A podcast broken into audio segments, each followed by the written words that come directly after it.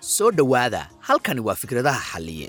Bodhkast toddobaadla ah oo ka baxda meel kasta oo laga dhegaysto baahinta bodhkast waxaan toddobaad kasta halkan ku soo bandhigaa oo aan ku falanqeeyaa mowduucyo la xidhiira nolosha maalinlaha ah ee ragga iyadoo ujeeddadu tahay inay ka helaan kobcitaan baraarujin wacyigelin iyo waxbarasho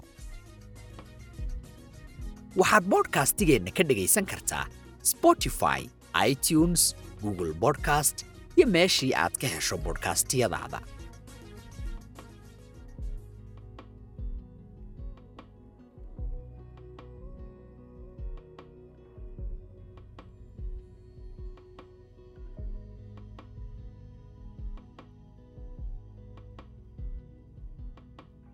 waan idin salaamay awow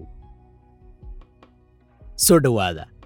Waxaan rajaynayaa maalinkaagu inuu fiican yahay habeenkaagu fiican yahay subaxdaadu fiican tahay xilligii ay kuu tahay jawigaagu inuu degan yahaan rajaynayaa. Meel kasta oo adiga dhegaysanayso ku soo dhowaada xalqad kale iyo fikradaha xalliye.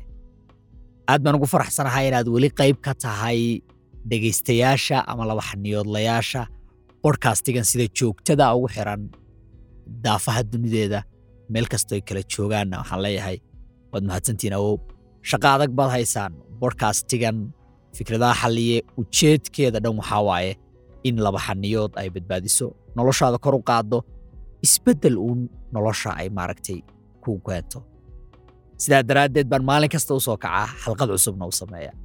Soo dhowaada awow xalqad kale soo qaadashahaaga cabbitaankaaga. Gaadhiga haddaad wadatid gaadhiga ku xidho maxaa la dhihi jiray xarigga taleefonka ama bluetoothka. Haddaad xaafadda joogtid iyo foonkaaga iska gasho howlahaaga iska qabso adoo dhegaysanaya bodhkastiga fikradaha xalliya laba xaniyoodlayaal badan marka bodhkastiga isbuuca ay waayaan ama arki waayaan waxay dhahaan ow maxaa kugu dhacay? Bodhkastigii waan kaa sugaynay. Waan helaa fariimihiinna taasina waxay ii tahay aniga digniin ah inaanan seexanin oo lay sugayo. Maxay ahayd? Nin lagu seexdo haseexan haseexan haseexan xilbaad siidaa sideenu feejigno waad ka raalli ahaanaysaan codkaygaas laakiin fanaanin badan baan ka cod fiicanahay. Runta aynu isu sheegno bliisan bliisan bliis aynu isxushmayno okay? Fanaanin badan baan ka cod fiicanahay. Haddii aadan aad ka soo horjeedid arrintaasna dhib ma laha. Qaybta commentigaad ku soo qoraysaa haddaad aabkaad ka dhegaysanaysid oo commenti leeyahay. Ama fariimahayga social mediahaad igu soo diri doontaa fariintaada.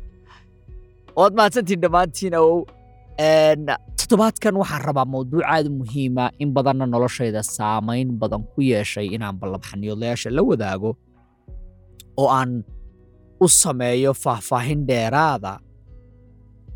Mawduucaasina waxaa waaye isbarbardhigga mawduuca xalqaddan aan ku falanqaynayo waxaa waaye isbarbardhigga waxaa laga yaabaa inaad is talow maxaa ka wadaa xalliyaniyo isbarbardhigga laakiin isbarbardhigga nolosha isbarbardhigga dadka kale iyo saamaynta uu adiga nin ahaan kugu leeyahay iyo sida qorshahaaga nololeed uu u hallaabi karayo maadaama aad dad kale isbarbardhigayso oo samaynayso waxa ay nolosha samaynayaan.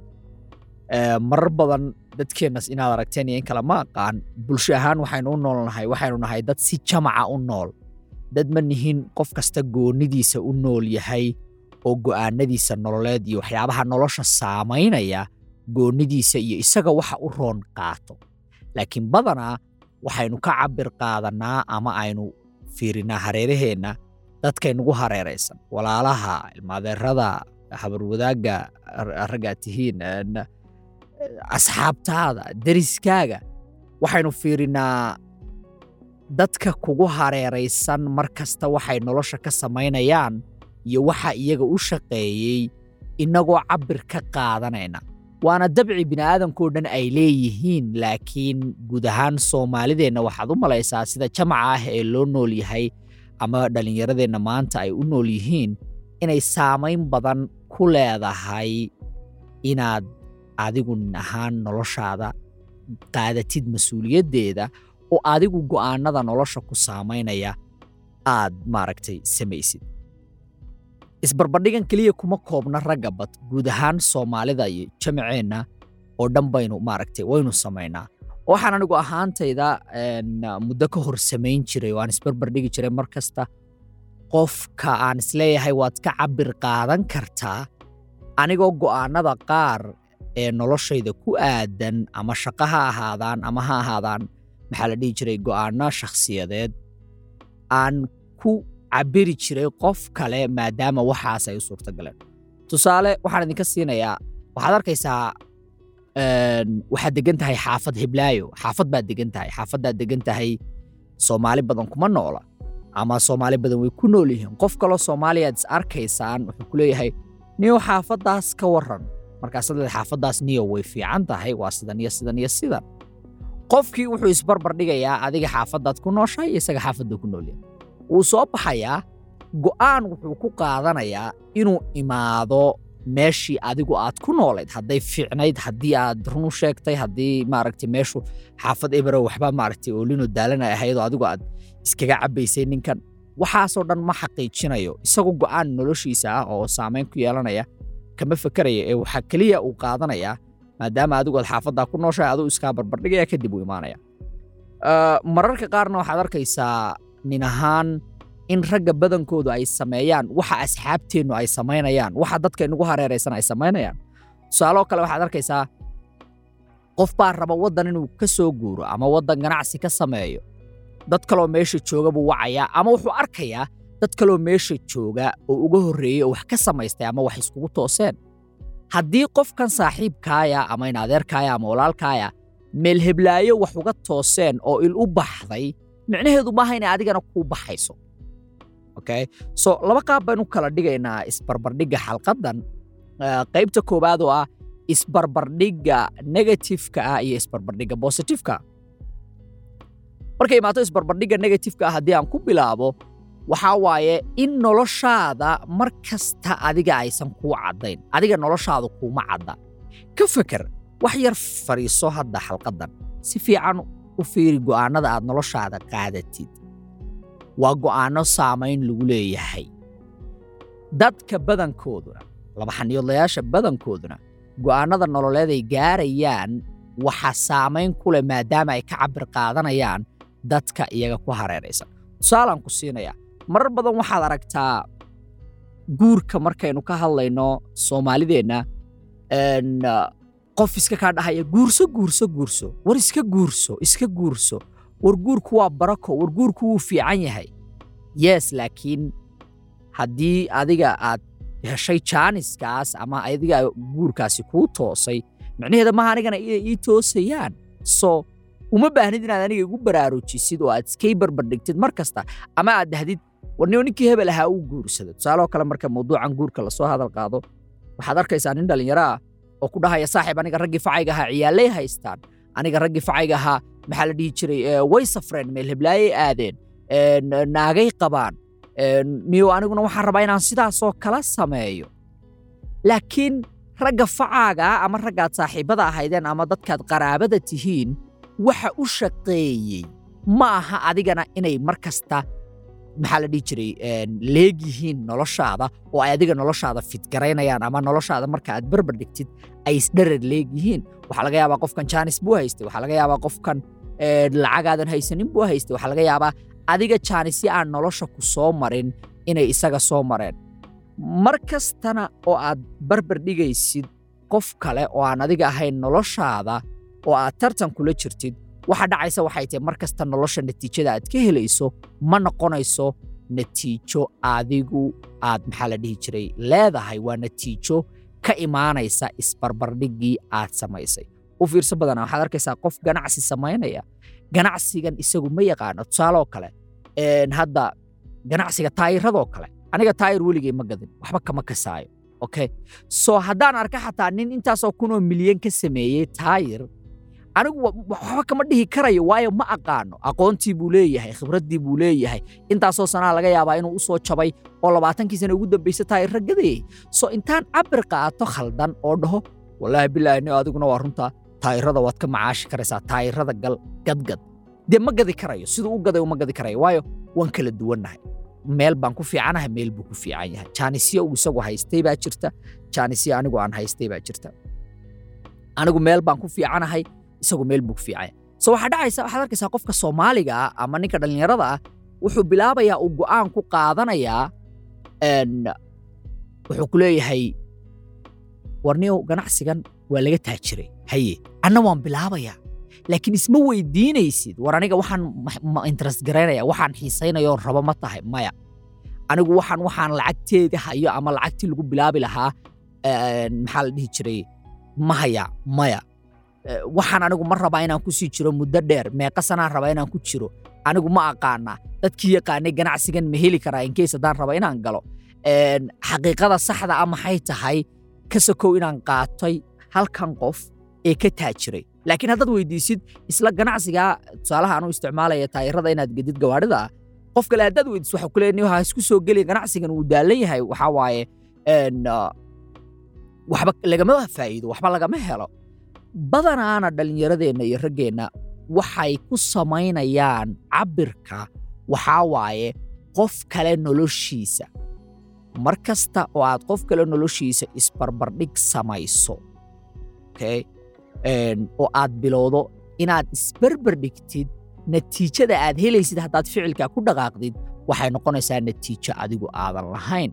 Rag badanna maanta saasay u nool yihiin waana wax aad looga xumaado sheekadan guurkaan dib ugu soo laabanaya tusaalahan haddaan isticmaalo markay imaato isbarbardhigga ninaad isku fasal haydeen oad saaxiibba ahaydeen oo aad isku da ahaydeen waxaa laga yaabaa wuxuu haystaa saddex canug iyo laba xaas ama lix canug iyo laba xaas adiguna weli maad guursanin.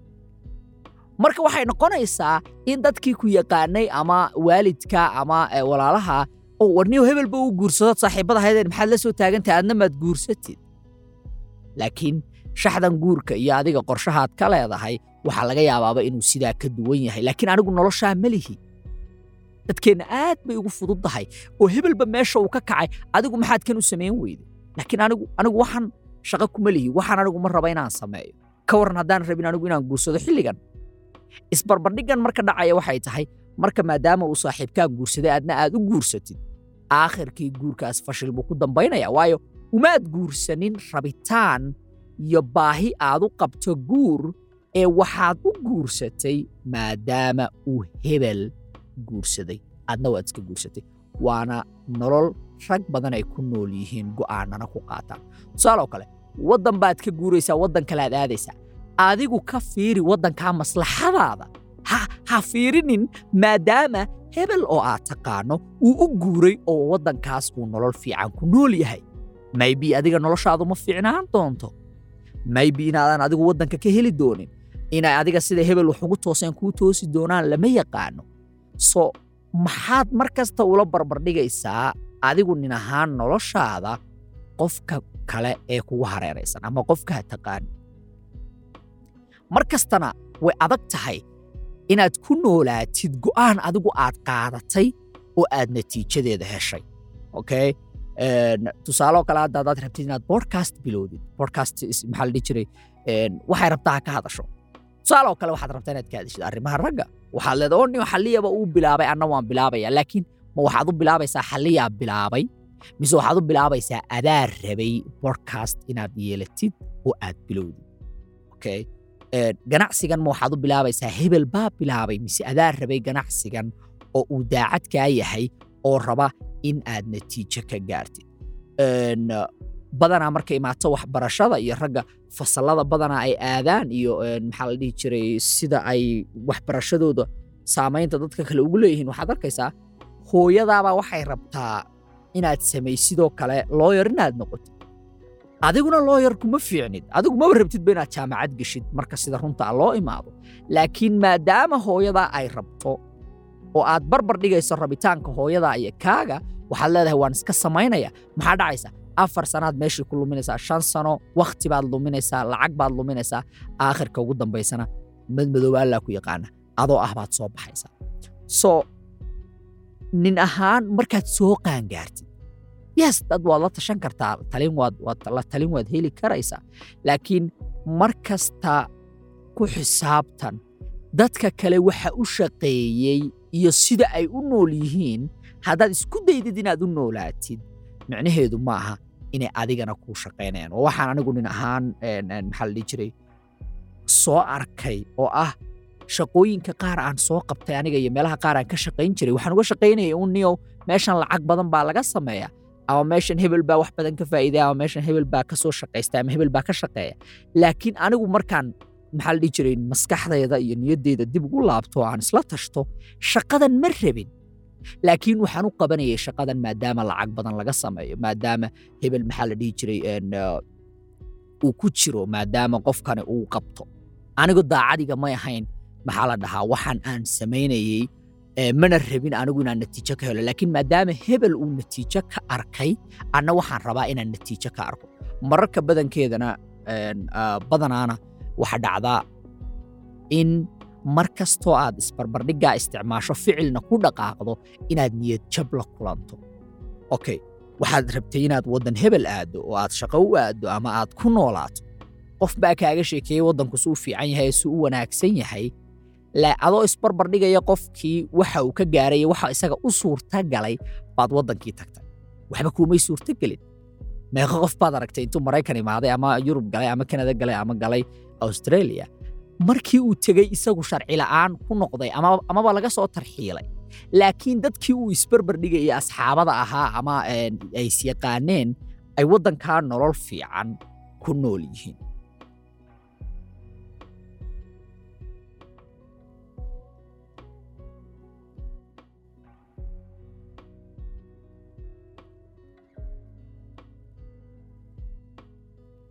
maadaama qof kale ay waxani u suurta galeen ha ku noolaanin bareesharka ah aadna inaad suubisid isweydii anigu ma rabaa. Arrinta kale ah inaan xuso waxaa waaye mar kastoo aad isbarbardhig samaysid nin ahaan oo aad qof kale oo aan noloshaada ahayn aad isbarbardhigaysid waa adigoo xiranaya kaba kaa waaweyn ama kaba kaa yaryar. Okay? Wayna adkaanaysaa inaad ku socotid kaba waaweyn. Wayna adkaanaysaa inaad ku socotid oo aad isticmaashid maalin kasta kaba kaa yaryar waa sidaasoo kale marka aad noloshaada barbar dhigtay qof kale go'aanna ku qaadatay laakiin noloshan adaa ku nool. Waxaad arkaysaa een, badanaana naaguhu aad bay u isticmaalaan rag badanna waa lagu bareeshar gareeyaa naagtaadaa ku imaanaysa waxay ku leedahay akhyaarta naagaha qaba. Naagtaadaa ku imaanaysa waxay ku leedahay waxaan rabaa inaan ku noolaano laba qolyo fadhi ama saddex qolyo fadhi maadaama ay heblaaya ku nooshahay. Ama waxaan rabaa inaad sariir noocaasa ii dhigtid ama fadhi noocaasa ama guri noocaasa ama aroos noocaasa maadaama heblaaye loo sameeyey. Iyadu waxaan ma rabto laakiin waxay rabtaa waxa heblaaye haysato. Sidaa daraaddeed waxay rabtaa inay ku noolaato nolosha heblaayo naagtani maha naag rabta inay iyadu noolaato oo iyadu rabto. Marka waxaa dhacaysa ninkii dhallinyarada ahaa wuu baxayaa deyn buu gelayaa noloshan maaha nolol kab adiga kuu gelaysa maaha maxay dhahan Eh, kabtaada aniga ima gasho yes. Kabtan kab kuu gelaysa maaha. Waayo dee waxaynu ku noolnahay nolol qof kale leeyahay qorshe qof kale lahaa adigu qorshe aad lahayd ma jiro. Haddii aad qolyo fadhi awooddo qolyo fadhigaa ku noolow haddaad laba qolyo fadhi awood labada qolyo fadhigaa ku noolow haddii naagtaadu waxaanay rabtoo dhanay tirinayso awooddeeda aadan lahayn u sheeg ma awoodo faraha ka qaad. Waayo waxaa dhacaysa waxaa lagu gelinayaa culays iyo breshar adigu aadan lahayn baad qaadaysaa. Waayo waxaad ku nooshahay nolol adigu aadan lahayn. Soo mar kasta oo aad isku dayayso inaad ku noolaato ama aad isbarbar dhigto qof kale noloshiisa way adkaanaysaa inaad muddada dheer ku noolaatid ama xilliga dheer ee soo socda shanta sano ee soo socota labada sano ee soo socota saddexda sano ee soo socota afarta sano ee soo socota. Waayo qorshahan waxaa ka dambeeyey go'aankiisa maadaama aad hebel isbarbar dhigtay oo ahayd war waxaan hebel bay u shaqeeyeen war waxaan hebel baa haysta anna waan gelayaa. Wayna fududahay wayna fududahay inaad inaad ku noolaatid nolol noocaasa waayo waxaad arkaysaa qof aanba u baahnayn taleefon iphone laakiin taleefon iphone u wataa maadaama dadka oo dhan ay wataan laakiin aniga dadka waxba igama gelin aniga waxaan rabaa inaan ku noolaado nolosha anigu aan rabo iyo sida anigu aan u rabo mar maxaa la dhihi jiray laba xaniyoodlayaasha waan weydiiyaa marka barnaamijyadeeda aan, ka hadlayo waxaan adiga maa raba mise waxaad u samaynaysaa waxaan maadaama la wada samaynayo mar haddaad ku noolaatid nolol ah dadka kaloo dhan baa sameeyey kuma noolaanaysid nolol qanaaco iyo farxad leh waayo waxaad ku nooshahay qof kale noloshiisii waxaad xiran tahay kaba adigu aadan lahayn oo aan ku leekayn haddana. Kuma leekaanayso. Hebel baa waxaan ku guulaystay ama hebel bay u suurto ama hebel baa shaqadan oo kale qabta adna way kuu suurtogelayaanee qabo. Dee maaha micnaheedu inay adna wax kuu suurtogelayaan ama adna aad jeclaanaysid waxaas ama adna ay yihiin waxaas wax kuu shaqaynaya. Badanaa waxaad arkaysaa hadda sheekadan taraagleyda oo kale ama maraykanka um, ragga taraagyada ka shaqeeya ama darawallada qof kasta wuxuu ku leeyahay niyow aniyow maxaa taraag u kori weyday taraagyada lacag baa laga sameeyaa. Hebelba wuu koray. Bishii wuxuu ka sameeyaa intaas siddeed kun toban kun. Laakiin anigu hebel ma ihi. Ka waran anigu haddaanan rabin inaan taraag wado. Ka waran anigu haddaanan rabin inaan darawal noqdo. Ka waran haddaanan darawalnimada jeclayn. Laakiin rag badan oo dhallinyaro ah maanta waxay qaadanayaan go'aanno aysan iyagu rabin iyo nolol aysan rabin inay ku noolaadaan maxaa la dhihi jiray? Maadaama hebel uu samaynayo. Maadaama hebel taraag siddeed kun ka sameeya bishii ama toban kun micnaheedu maha adna inaad ka samayn doontid. Waayo waa inaad adigu barbaratoy noqotid waa inaad zero ka bilowdid waa inaad gaadhi raadisid. Hebel maybi gaadhiguu leeyahay. Hebel maybi shaqadan wuxuu ku jiray tobankii sane ugu dambaysay so waxa adiga kuu shaqeeyey micnaheedu maaha inay aniga ii shaqaynayaan. Waxa aniga ii shaqeeyeyna micnaheedu maaha inay adiga kuu shaqaynayaan so taas waxaa ka dhalanaysa natiijo ah anigu nolol nooceeya baan rabaa. Magaaladee rabaa inaan ku noolaado qaabkee rabaa inaan u noolaado maxaan rabaa inaan ka shaqeeyo xirfadee rabaa inaan barto. Qasab maaha soomaalidu waxay wada samaynayaan oo dhan samaysid si aad wax u gaadhid aniga waxaan anigu rabo ee anigu aan u arko inaan lacag ka samayn karo baan samaynayaa ma aha sida adigu u nooshahay inaan sameeyo ama sida adiga kuu shaqaysay. Waayo isku nolol kuma noolin isku khibrad ma nihin isku meel kamaynu imaanin isku fahan nolosha kama haysanno soo mar kasta oo aad isku ciriiriso qorshe adigu aadan nolosha lahayn waxa dhacaysa inaad ku noolaatid natiijo adigu aadan rabin. Sidaa daraaddeed bay furiinku maanta u badan yahay. Oo aad arkaysaa rag badanna ay iska tahay iska guurso hebel baa guursaday adna iska guurso laakiin adigu guurkan maad rabin laakiin adigu maxaa la dhihi jira qorshahan maad ka dambayn ama hooyadaa iyo waalidkaaba ku dhahay waa nin ilaaba ilaa guurso waa inaad noo keentaa gabadh waa inaad ciyaal dhashaa waxaan oo dhan qorshahan oo dhan adigu maad lahayn qorshahan oo dhan adigu maad lahayn naagaha soomaalida badankoodana haddaad u fiirsatid nolol waxay ku nool inaysan iyagu lahayn nolol midba midda kala fiirinayso midba midda kale isbarbar dhigayso mar way adag tahay inaad noloshaa sii haysatid oo aad ku sii noolaatid waayo waxaan awalba adigu maad lahayn. Aakhirka ugu dambaysa waad ka niyad jabaysaa. Niyad jab xun baa kaaga dhacaya noloshii. Aakhirna dee cabdikhasaar aad isu bedelaysaa waana waxa aysan dad badan maanta fahamsanayn laakiin waa xaqiiqo rag badan ay ku nool yihiin oo ah noloshaada dhinac kasta inaad isbarbardhig samaysid. Sheeko yar baan soo xasustay oo ahayd daraad jiimkanoo jooga. Oo waxaan arkay nin laba xaniyooda meesha ku sheekaysan. Marka wuxuu igu dhahay jiimkan shan sanaan joogay. Shan sanaan jiimkan imaanayay aniguna markaas jiimkan waxaan joogaa bil waanba ku cusbahay oo jiim horaan ka soo tegey marka waxaan weydiinayay natiijada uu haystay jirkiisu sida uu u eg yahay inta ay ku qaadatay. Wuxuu igu dhahay shan sano. Laakiin ka waran anigoo meesha bil jooga haddaan isbarbar dhigo ninkan oo aan dhaho maxay tahay waxa ninkan sameeyaadan adigu samaynaynin? Laakiin ninkan shan sano soo tareyni garaynayay ma khiyaami kartid wakhtiga laakiin ninkan waxa uu cuno ma taqaanid. Laakiin ninkan sablimentiyada iyo waxyaabaha uu isticmaalo si jidhkiisu noocan ugu ekaado ma taqaanid. So mar kasta oo aad ka fakerayso inaad si negatifa qof isu barbar dhigtid waxaad fiirisaa nin ahaan waxa ay sameeyeen inta ay ku qaadatay. Maqaayad baad leedahay maqaayadda kugu xigta cuntada zaa'id baa looga gataa kastamaro badan bay leedahay adiguna haddaad maqaayaddan furtay ka waran dadkani hadday ganacsiga ku jireen tobankii sane ugu dambaysay adna aad iska soo kacday oo aad u malayso ganacsigan in laba maalin markaad ku jirtid ganacsigan maalinka saddexaad sida maqaayaddan oo kale aad noqonaysid ma noqonaysid. Waana waxyaabaha ugu badanee nolosha aad u baahantay inaad fahanto. Wakhtiga ma khiyaami karaysid. Wakhtiga waa inaad wakhtigiisa u dhaafto levelka aad marayso. Tusaale oo kale luuqad ma taqaanid ama english fiican kuma hadashid ama luuqadda waddanka aad joogtid ma taqaanid. Waad baran kartaa hadda iyo kow adigoo oo ogolaanaya inaad waxaa ku xumaatid ama aadan si fiican u aqoonin maadaama aad rabto inaad baratid. Laakiin isma barbardhigi karaysid qof waddanka ku dhashay oo luuqaddan maalinkii uu dhashay ilaa maanta ku hadlaya. Ama qof luuqaddan waddankani ay tahay luuqaddiisii koowaad badanaa innaga waddamadan aynu tagna soomaali ahaan luuqadahan ay ku hadlaan maaha luuqaddeenni koowaad waxaadna u baahan tahay fahan ah. Isma barbardhigi kartid qofkan si kastaba. Waayo dhinac kasta haddii loo fiiriyo qofkan advantage ama maxaa la jiray faa'iidooyin adiga kaa badan wuu haystaa. Waddankuu ku dhashay wuu ku koray waxbuu ku bartay luuqaddan. Soo ma dhacayso inaad barbar dhigtid luuqaddaada gebgebta ah ee labadii sane ugu dambeysay ama saddexdii sane ugu dambeysay aad qaxootiga ahayd. So qaybta labaad rabo inaan xalqaddan ku iftiimiyo waxaa waaye isbarbardhigga positiveka ah ama isbarbardhigga wanaagsan oo ah mar kasta markay imaato isbarbardhiggan keliya negative ma jiro laakiin qayb wanaagsanna way jirtaa inkastoo yar inta isticmaasha.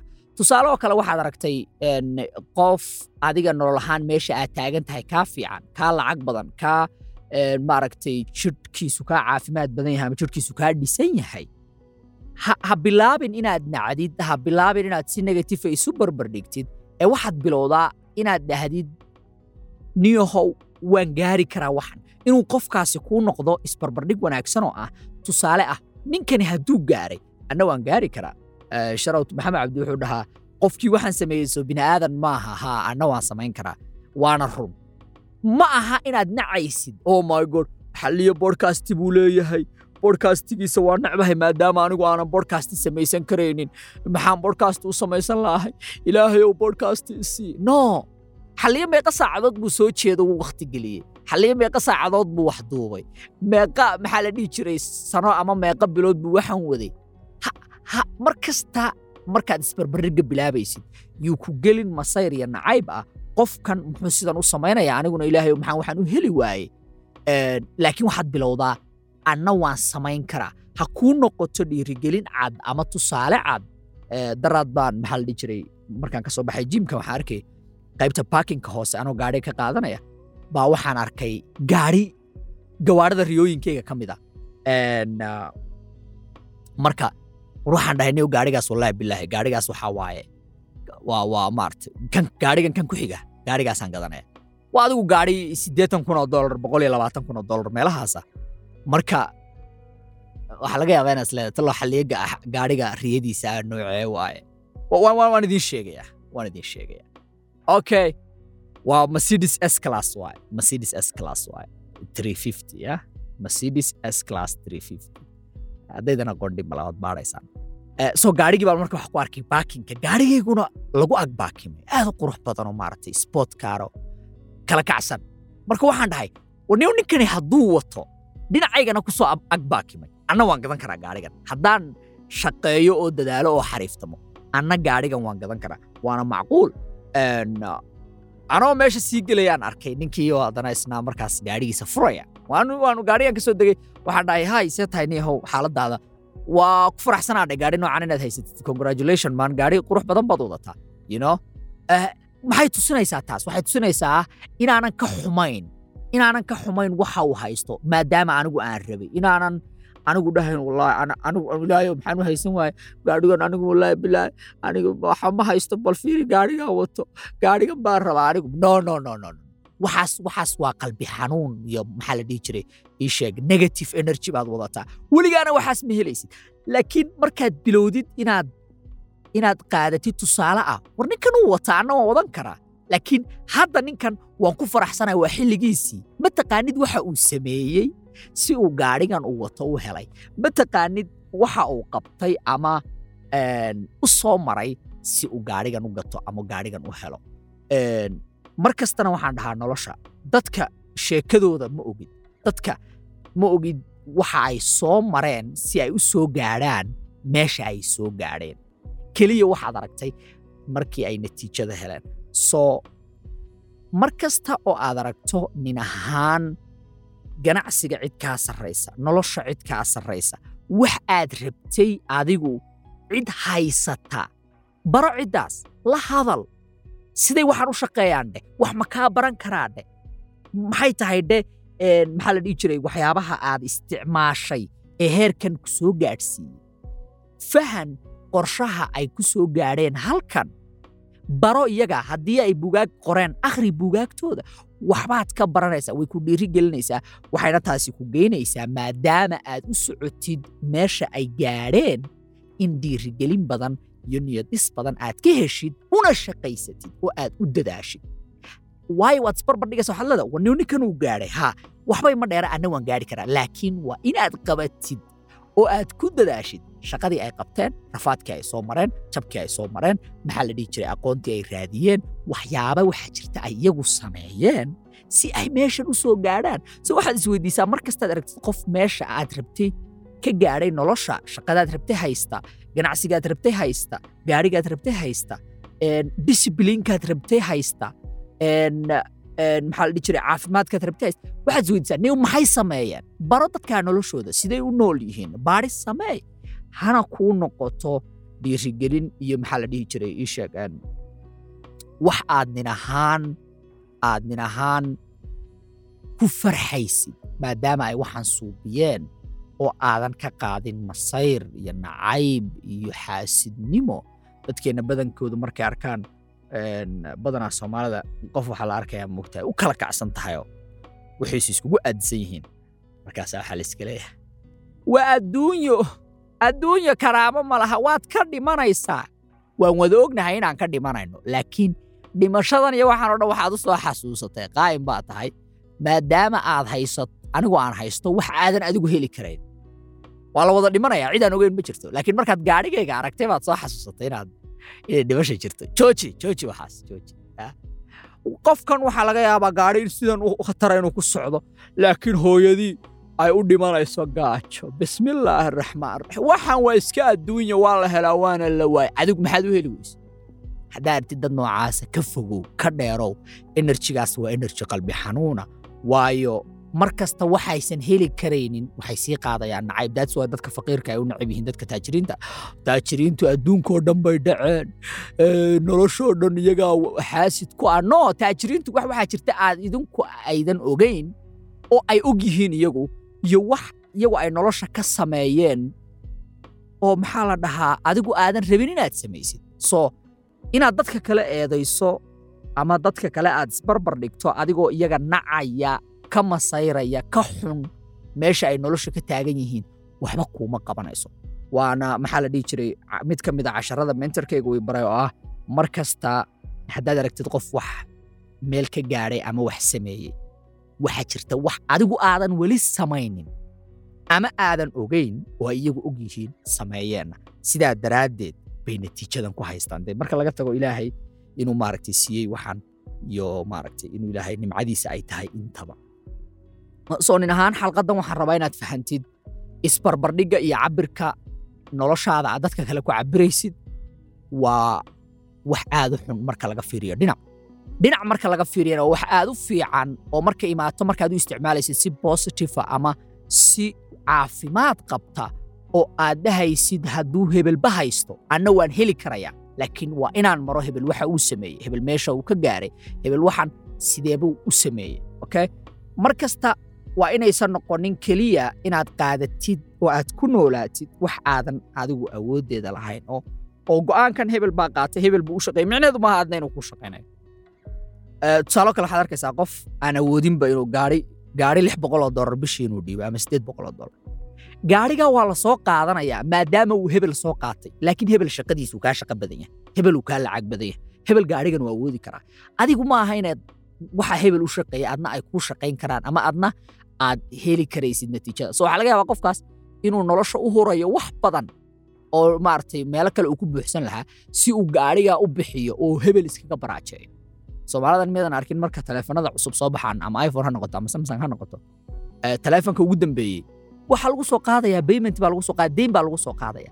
Haddaadan taleefankan si kaasha ku awoodin lacagna kuma soo gelinayo waa liability dee dee hebel baa wata aniga waxba iima tarayso. Kaygaan iska wadanaya. Ilaahu maad iphone six wadatid. Kaygaan iska wadanaya. Waayo aniga xilligan markaan anigu rabo un baan bedelaya xilligan uma baahni ilaahu ma isoo saaraan iphone 19 shaqadeeda ma. Laakiin waxa ma u baahanay waxa may anfacayaan. Waxaan aniga matay baahi aniga iga imaatay. Mise waxaan rabaa inaan u sameeyo waxaan maadaama hebelba uu samaynayo. Xalqaddan waxaan ku soo gabagabeynayaa. Nin ahaan inaad fahantid isbarbardhigu sida uu saamayn ugu yeelanayo noloshaada si haddii aad qaadatid go'aano adiga aan adiga aan maxaa la dhihi jiray kuu gelaynin oo aan ku leekayn nolosha inay adkaanayso noloshaadu. In waxyaabo badan khaldamayaan maadaama aad isku dayayso inaad ku noolaatid nolol aan taada ahayn. Ku noolow adiga waxa ku le'eg. Ku noolow adiga sida ay ugu macquulsan ee adiga maxaa la dhihi jiray noloshaadu ay u kala soconayso. Go'aanada aad nolosha samaynaysidna nin ahaan maxaa la dhihi jiray? Adigu isbarbardhig adigu nafsadaada qofkii aad shalay ahayd barbardhig anigu nafsadayda ma barbardhigayo ninkaa gaariga mercedeskaa watay. Aan isku jiim ka dhiganno ma barbardhigayo waayo anigu shalay meeshaan ka imaadaan ogahay. Mar kastana nafsadaada markaad barbardhigtid shalay meeshaad ka imaatay. Anigu anigaan dagaal kula jira. Anigu cid kale dagaal kulama jiro. Intaan ku jiro broseska nolosha ama intaan ku jiro safarka noloshana cid kasta oo iga sarraysa ama cid kasta oo meesh- meel aan nolosha ka gaarin ka gaaratay waxbaan ka baranayaa. Dhiirigelin bayna ii noqonaysaa laakiin ma barbardhigayo anigu hadda waxaan haysto. Ilaahay maxaan gaarigan u haystaa hebelna gaarigan buu haystaa. Maya waxaan barbardhigayaa anigu shalay markaan lugeynaya gaari la'aanta ah. Waxaan barbardhigayaa shalay markaanan anigu safri karayn. Waxaan barbardhigayaa shalay markaanan maxaa la dhihi jiray guriga noocana haysanin. Mar waxaad tartan kula jirtaa qofkii aad shalay ahayd qofkii aad isbuucii la soo dhaafay ahayd qofkii aad bishii la soo dhaafay ahayd jooji inaad tartan la gasho ama aad isku daydo inaad maxaa jiray isla ekaysiiso nolol adigu aadan lahayn. Ma ogid waxa ay u mareen waxa inay sameeyaan ma ogid qorshahooda ma ogid meeshay u socdaan. Badanaa markaad artid kiisaskan tahriibta qofka wuxuu ku leeyahy waa niyo waan tahriibay wadan hebel baan u socdaa maxaad u tahriibaysaa? Niyow eh, ama dadka badanka haddeed siday ku soo tahriibeen een, waxaan u tahriibayaa maadaamuu hebelba tahriibay. Adigu qorshe tahriib maan lahayn soo hebel maxaa kaa galay mar kasta meel fadhiiso. Bareeshar iyo culays iyo ku saarin dadka kale noloshooda iyo sida ay u nool yihiin iyo inaad iyaga noloshooda isleekaysiiso. Mar kastana ku xisaabtan haddii aadan qorshe nolosha ka haddii aadan meel ka aad u socotid noloshan qof kale qorshihiisaad gelaysaa oo aad ka mid noqonaysaa. Waa ballanqaad waana wax jira. Bilow inaad isbarbar dhigtid shakhsiyadaada meeshii aad shalay ka imaatay iyo meesha aad u socotid. Bilow inaad isbarbardhig caafimaad qaba samaysid oo ah haddii aad aragtid meesha aad u socotid dad jooga inay dhiirigelin kuu noqdaan oo aysan kuu noqonin. Maxaa la dhihi jiray? Masayr nacayb xaasidnimo waxaasoo dhan. Xaasidnimada waxyaabaha ka bilaabata waxaa waaye. Xaasidka laguu sheegayo laguu sheegaya waxaa mataqaana waa qof waxa aad nolosha ka haysato heli waayey. Markaa kadib wuxuu bilaabayaa siduu adiga kugu lugoyn lahaa. Dadkaasna ka fogaada. Dad aad u xun waaye ka fogaada. Waxaa waaye dabeecadaha bini'aadankay ka mid tahay laakiin markaad aragtid qof waxaadan haysanin haysta. Dhiirigelin ha kuu noqoto. Qalbi xanuun masayr nacayb xanuun waxba kuuma kordhinayso. Meeshaasna weligaa ma gaadhaysid. Halkaasunbaad la fadhiyaysa gaarigan muxuu u gatay? Adduunyada waa laga tegayaa. Adduunyada waa laga tegayaa laakiin intiisoo ku noolya uu raaxaysanaya aadna halkaasaad lugaynaysaa jooji qalbi xanuunka marka laba xaniidlayaasha intaan ku soo gabagabeynayaa xalqadan waxaan rabay inaan idinla wadaago waxaan bilaabay coaching program ama mentorship program sanadlaha ama barnaamij noloshaada ay isku bedelayso nin dhalinyaro ahaan oo markay imaato in lagaa dhiso maskaxdaada markay imaato in lagaa dhiso qaabkaad u fakaraysid iyo si aad u heshid la talin khaasa iyo content gooniya oo aadan meel kale ku helayn barnaamijkaas waxa uu ka socdaa ama uu ka bilaabmay telegramkayga fadlan linkiga ku dhufo maxaa la dhihi jiray eh, profile ka saaran ama linkiga description ka saaran fariinii soo dir waxaad dhahdaa macallin coachingkaagaan rabaa sanadlaha ah waa barnaamij sanadlaha waaye laba xaniidlayaal badan baad isku baranaysaan noloshaadana way isku bedelaysaa qaabkaad u aragtid noloshana wax badan baa iska bedelaya waxaan kuu rajaynayaa maalinkaaga habeenkaaga subaxdaada xilligay kuu tahay inuu kuu fiicnaado. Xalqadanna ay kuu noqotay mid indhaha kuu furta noloshana dhinaca kale kaa tusisa waad ku mahadsan tahay dhegaysigaaga intaaynu ku kulmayna xalqatan lamida waxaan idinkaga tegayaa. Sidaasiyo nabadgelya awo